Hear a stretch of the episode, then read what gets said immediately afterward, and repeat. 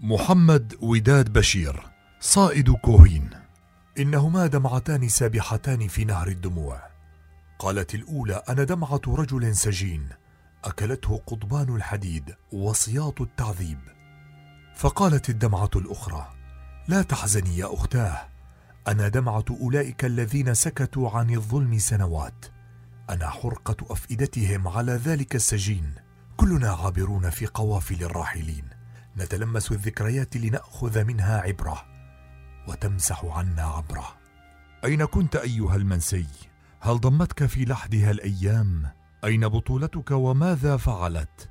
وكيف أجرم بحقك المجرمون؟ أنت أنت ما تزال قصتك تعيد نسجها الأقلام والأحبار ولكن هيهات هيهات أن تجسد لحظات حبك لأرضك ولبلدك هيهات أن تسجل معاناتك ماذا ربح قاتلوك؟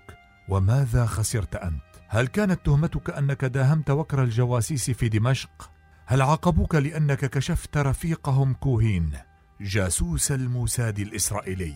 صحيح أن إسرائيل خسرت كوهين لكنها ربحت الأسد. من مخازي الأسد الهالك المبكرة الخفية جريمة اعتقال ضابط المخابرات المخضرم الرائد محمد وداد بشير.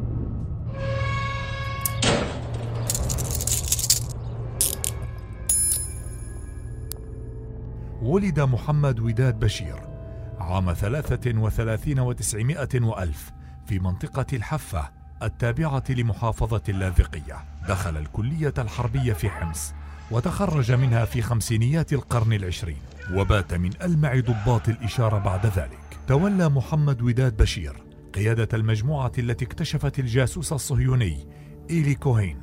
دخل كوهين سوريا باسم مستعار وهو كامل أمين ثابت. وشكل شبكة تجسس تعمل لحساب الموساد وأصبح فجأة صديقا مقربا لدى كبار المسؤولين في نظام الانقلاب البعثي بين عامي 1963 و 1965 مارس كوهين عملية التجسس بعد استئجاره شقة في حي أبي رمانة وهي منطقة تتواجد فيها بعض السفارات وأماكن إقامة قيادات وحدات عسكرية سورية. تعرف كوهين على شخصيات قيادية كثيرة عن طريق انتحال شخصية تاجر سوري مغترب جاء من الأرجنتين وكان يزود الموساد الإسرائيلي بمعلومات مشفرة عبر جهاز المورس الذي أتقن استعماله كما أتقن اللهجة السورية. ونتيجة عمله السري فقد استمر أربع سنوات في إرسال المعلومات لقيادة الموساد بل كان يذهب إلى تل أبيب كل فترة ليطلع قياداته على آخر المستجدات على الصعيد السياسي والاقتصادي والعسكري الذي تمر به سوريا في فترة تقلبات الحكم آنذاك.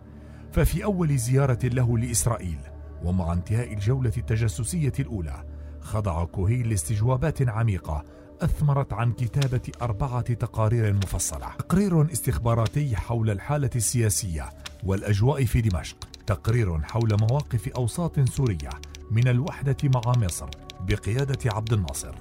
تقرير عن قيادة الجيش وتقرير حول شخصيات تعرف عليها. لم تكن خطورة كوهين تكمن في المعلومات العسكرية التي سربها فقط كما يظن البعض. فكوهين عبر معلوماته العسكرية حول هضبة الجولان كان يؤكد ما وصلت له وحدات الرصد العسكري الإسرائيلي.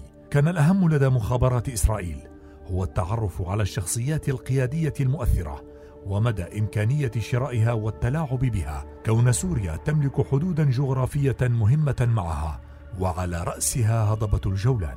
تابع كوهين عمله التجسسي إلى أن تلقت المخابرات السورية وقتها معلومة من السفارة الهندية. بوجود إشارات لاسلكية تشوش على إشارة السفارة وتم إبلاغ الجهات المختصة بسوريا فاستلم المهمة عندها الرائد محمد وداد بشير وكان المسؤول الفني في شعبة المخابرات عن مراقبة الإشارات اللاسلكية فتابع القضية وتأكد من وجود رسائل تصدر من مكان قرب السفارة الهندية فداهم المكان لأول مرة فلم يعثر على شيء يتعلق بالقضية. ثم طور محمد وداد بشير آلية معينة. تمكن فيها من تحويل جهاز رصد الإشارات اللاسلكية من النوع الثابت إلى نوع متحرك على عربة جالت شوارع حي أبي رمان حينها وهو ما سهل الوصول للجاسوس كوهين لحظة إرساله الرسائل. فتم رصد مصدر الإشارة مجددا وبالمراقبة المتكررة. تم تحديد المبنى الصحيح وكذلك وقت الإرسال الأسبوعي. كانت عقارب الساعة تشير إلى التاسعة صبيحة الثامن عشر من كانون الثاني عام خمسة وستين وتسعمائة وألف عندما اقتحم ضابط الإشارة السوري الرائد محمد وداد بشير مع عناصره شقة الجاسوس إيلي كوهين في أبي رمان وسط دمشق ليلقي القبض عليه متلبسا ويصادر معداته التي كان يستخدمها في مهمته التجسسية. حاول كوهين أن يتناول سما بيده لكن القوة المنفذة بقيادة محمد وداد بشير قبضت عليه قبل أن يفعل ذلك. وضع محمد وداد بشير حدا لأسطورة أشهر جاسوس.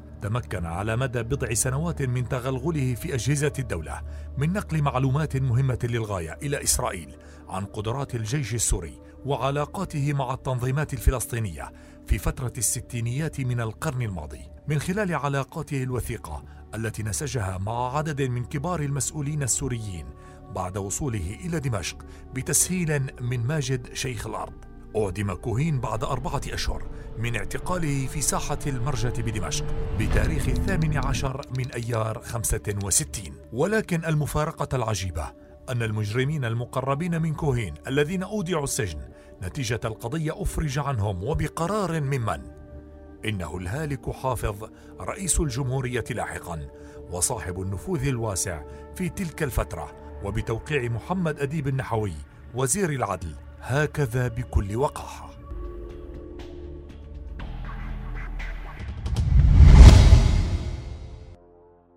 فقد حكم قطب ووائلي وإيليا الماض عدة أشهر وحكم جورج سيف ومعزى زهر الدين خمس سنوات.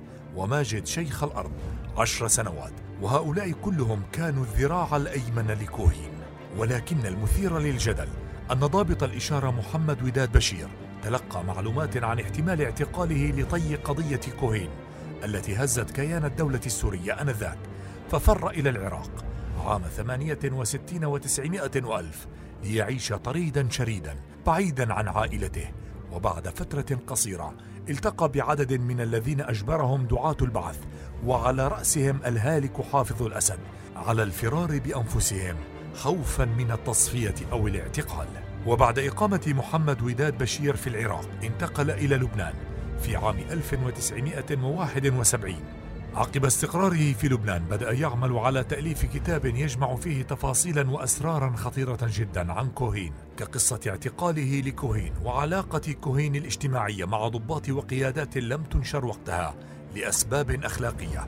جل هؤلاء كانوا من حزب البعث وهؤلاء هم الذين استلموا السلطة بعد ذلك. تلقت مخابرات الأسد الهالك معلومات عن الرائد محمد وداد بشير. وما ينوي القيام به من تأليف كتاب جامع لفضائح رموز البعث حول قضية كوهين. ولا شك أنها ستكشف علاقة كوهين بالأسد كقيادة قادرة على البيع والشراء. لا بيع وشراء المواقف فقط بل بيع الجولان وغيره إن احتاج الأمر. ومن أكثر ما يؤكد علاقة كوهين بالهالك بائع الجولان حافظ الأسد ما قاله أحمد أبو صالح أحد قادة الحزب القطريين يقول ما معناه. انتهينا من جلسة من جلسات المؤتمر القطري في ساعة متأخرة جدا قبيل نشر أول نشرة أخبار تصدر عن دمشق. ثم عدت إلى بيتي لآخذ قسطا من الراحة وأسمع نشرة الأخبار. وتفاجأت أن إسرائيل تذيع خبر انعقاد المؤتمر القطري في دمشق وذكرت ما اتفق عليه من قرارات. كل ذلك في مدة لا تتجاوز عشرين دقيقة مما يعني أن كوهين كان حاضرا معنا وإن لم يحضر بشخصه.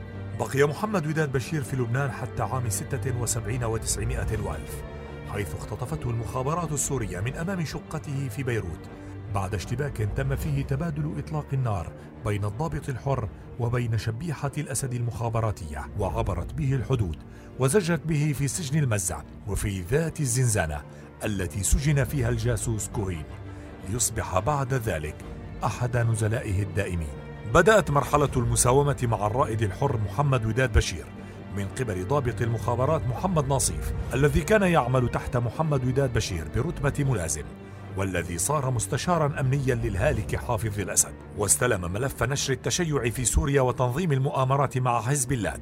ساومه على العمل مع زمرة البعث المتأمرة على البلاد وكان الرفض يعني التعذيب والموت البطيء. بقي الرائد محمد نزيل السجن حتى عام 89 و900 وألف. أي ما يقارب الأربعة عشر عاما. أكله فيها المرض والتعب الجسدي والنفسي والتهم الشيب رأسه ورق عظمه وضعفت قوته حتى أصبح لا يقوى على النهوض إلا بالاستناد إلى شخص أو اثنين. وبعد أن تأكدت زمرة الإجرام الأسدي من تدهور حالته الصحية مع تعمد إهمال علاجه قامت بالإفراج عنه بعد حقنه بإبرة سامة أودت بحياته عقب خروجه من السجن بأحد عشر يوما فقط. قضى يومين منها بمنزل أخيه في دمشق ثم نقل إلى مستشفى الأسد إلى الغرفة رقم 203 حيث توفي هناك في الثاني والعشرين من كانون الأول 89 وتم نقل جثمانه إلى اللاذقية ودفن في مقبرة جامع المغربي. لقد ضحت إسرائيل بجاسوسها كوهين لتحصل على جاسوس أكبر. إنه الهالك حافظ الأسد. ألعوبة إسرائيل التي زرعت في عقول السوريين على أنه عدو شرس وخطر يهدد إسرائيل. كما حصل الموساد مؤخرا على ساعة يد كوهين من المخابرات السورية كهدية لتأكيد الصداقة بين إسرائيل وحكم آل الأسد وبكل ترحيب وفخر وضع الموساد ساعة يد كوهين على مبنى الموساد في رمزية لتقدير جهود الجاسوس كوهين بينما وضع محمد وداد بشير في الأسر أربعة عشر عاما. مقابل خدمته لبلده وأرضه. لقد ظن الطغاة أن قصة محمد وداد بشير قد اندثرت بموته وما عنده من خفايا عن تعاملهم مع إسرائيل وتآمرهم على سوريا الحرة. سيبقى طي الكتمان ولكن الثورة السورية فضحتهم وكشفت للعالم ولأهل سوريا وجيلها الجديد عمق خداعهم وزيف أكذوبة الممانعة ممانعة بطعم الجاسوسية.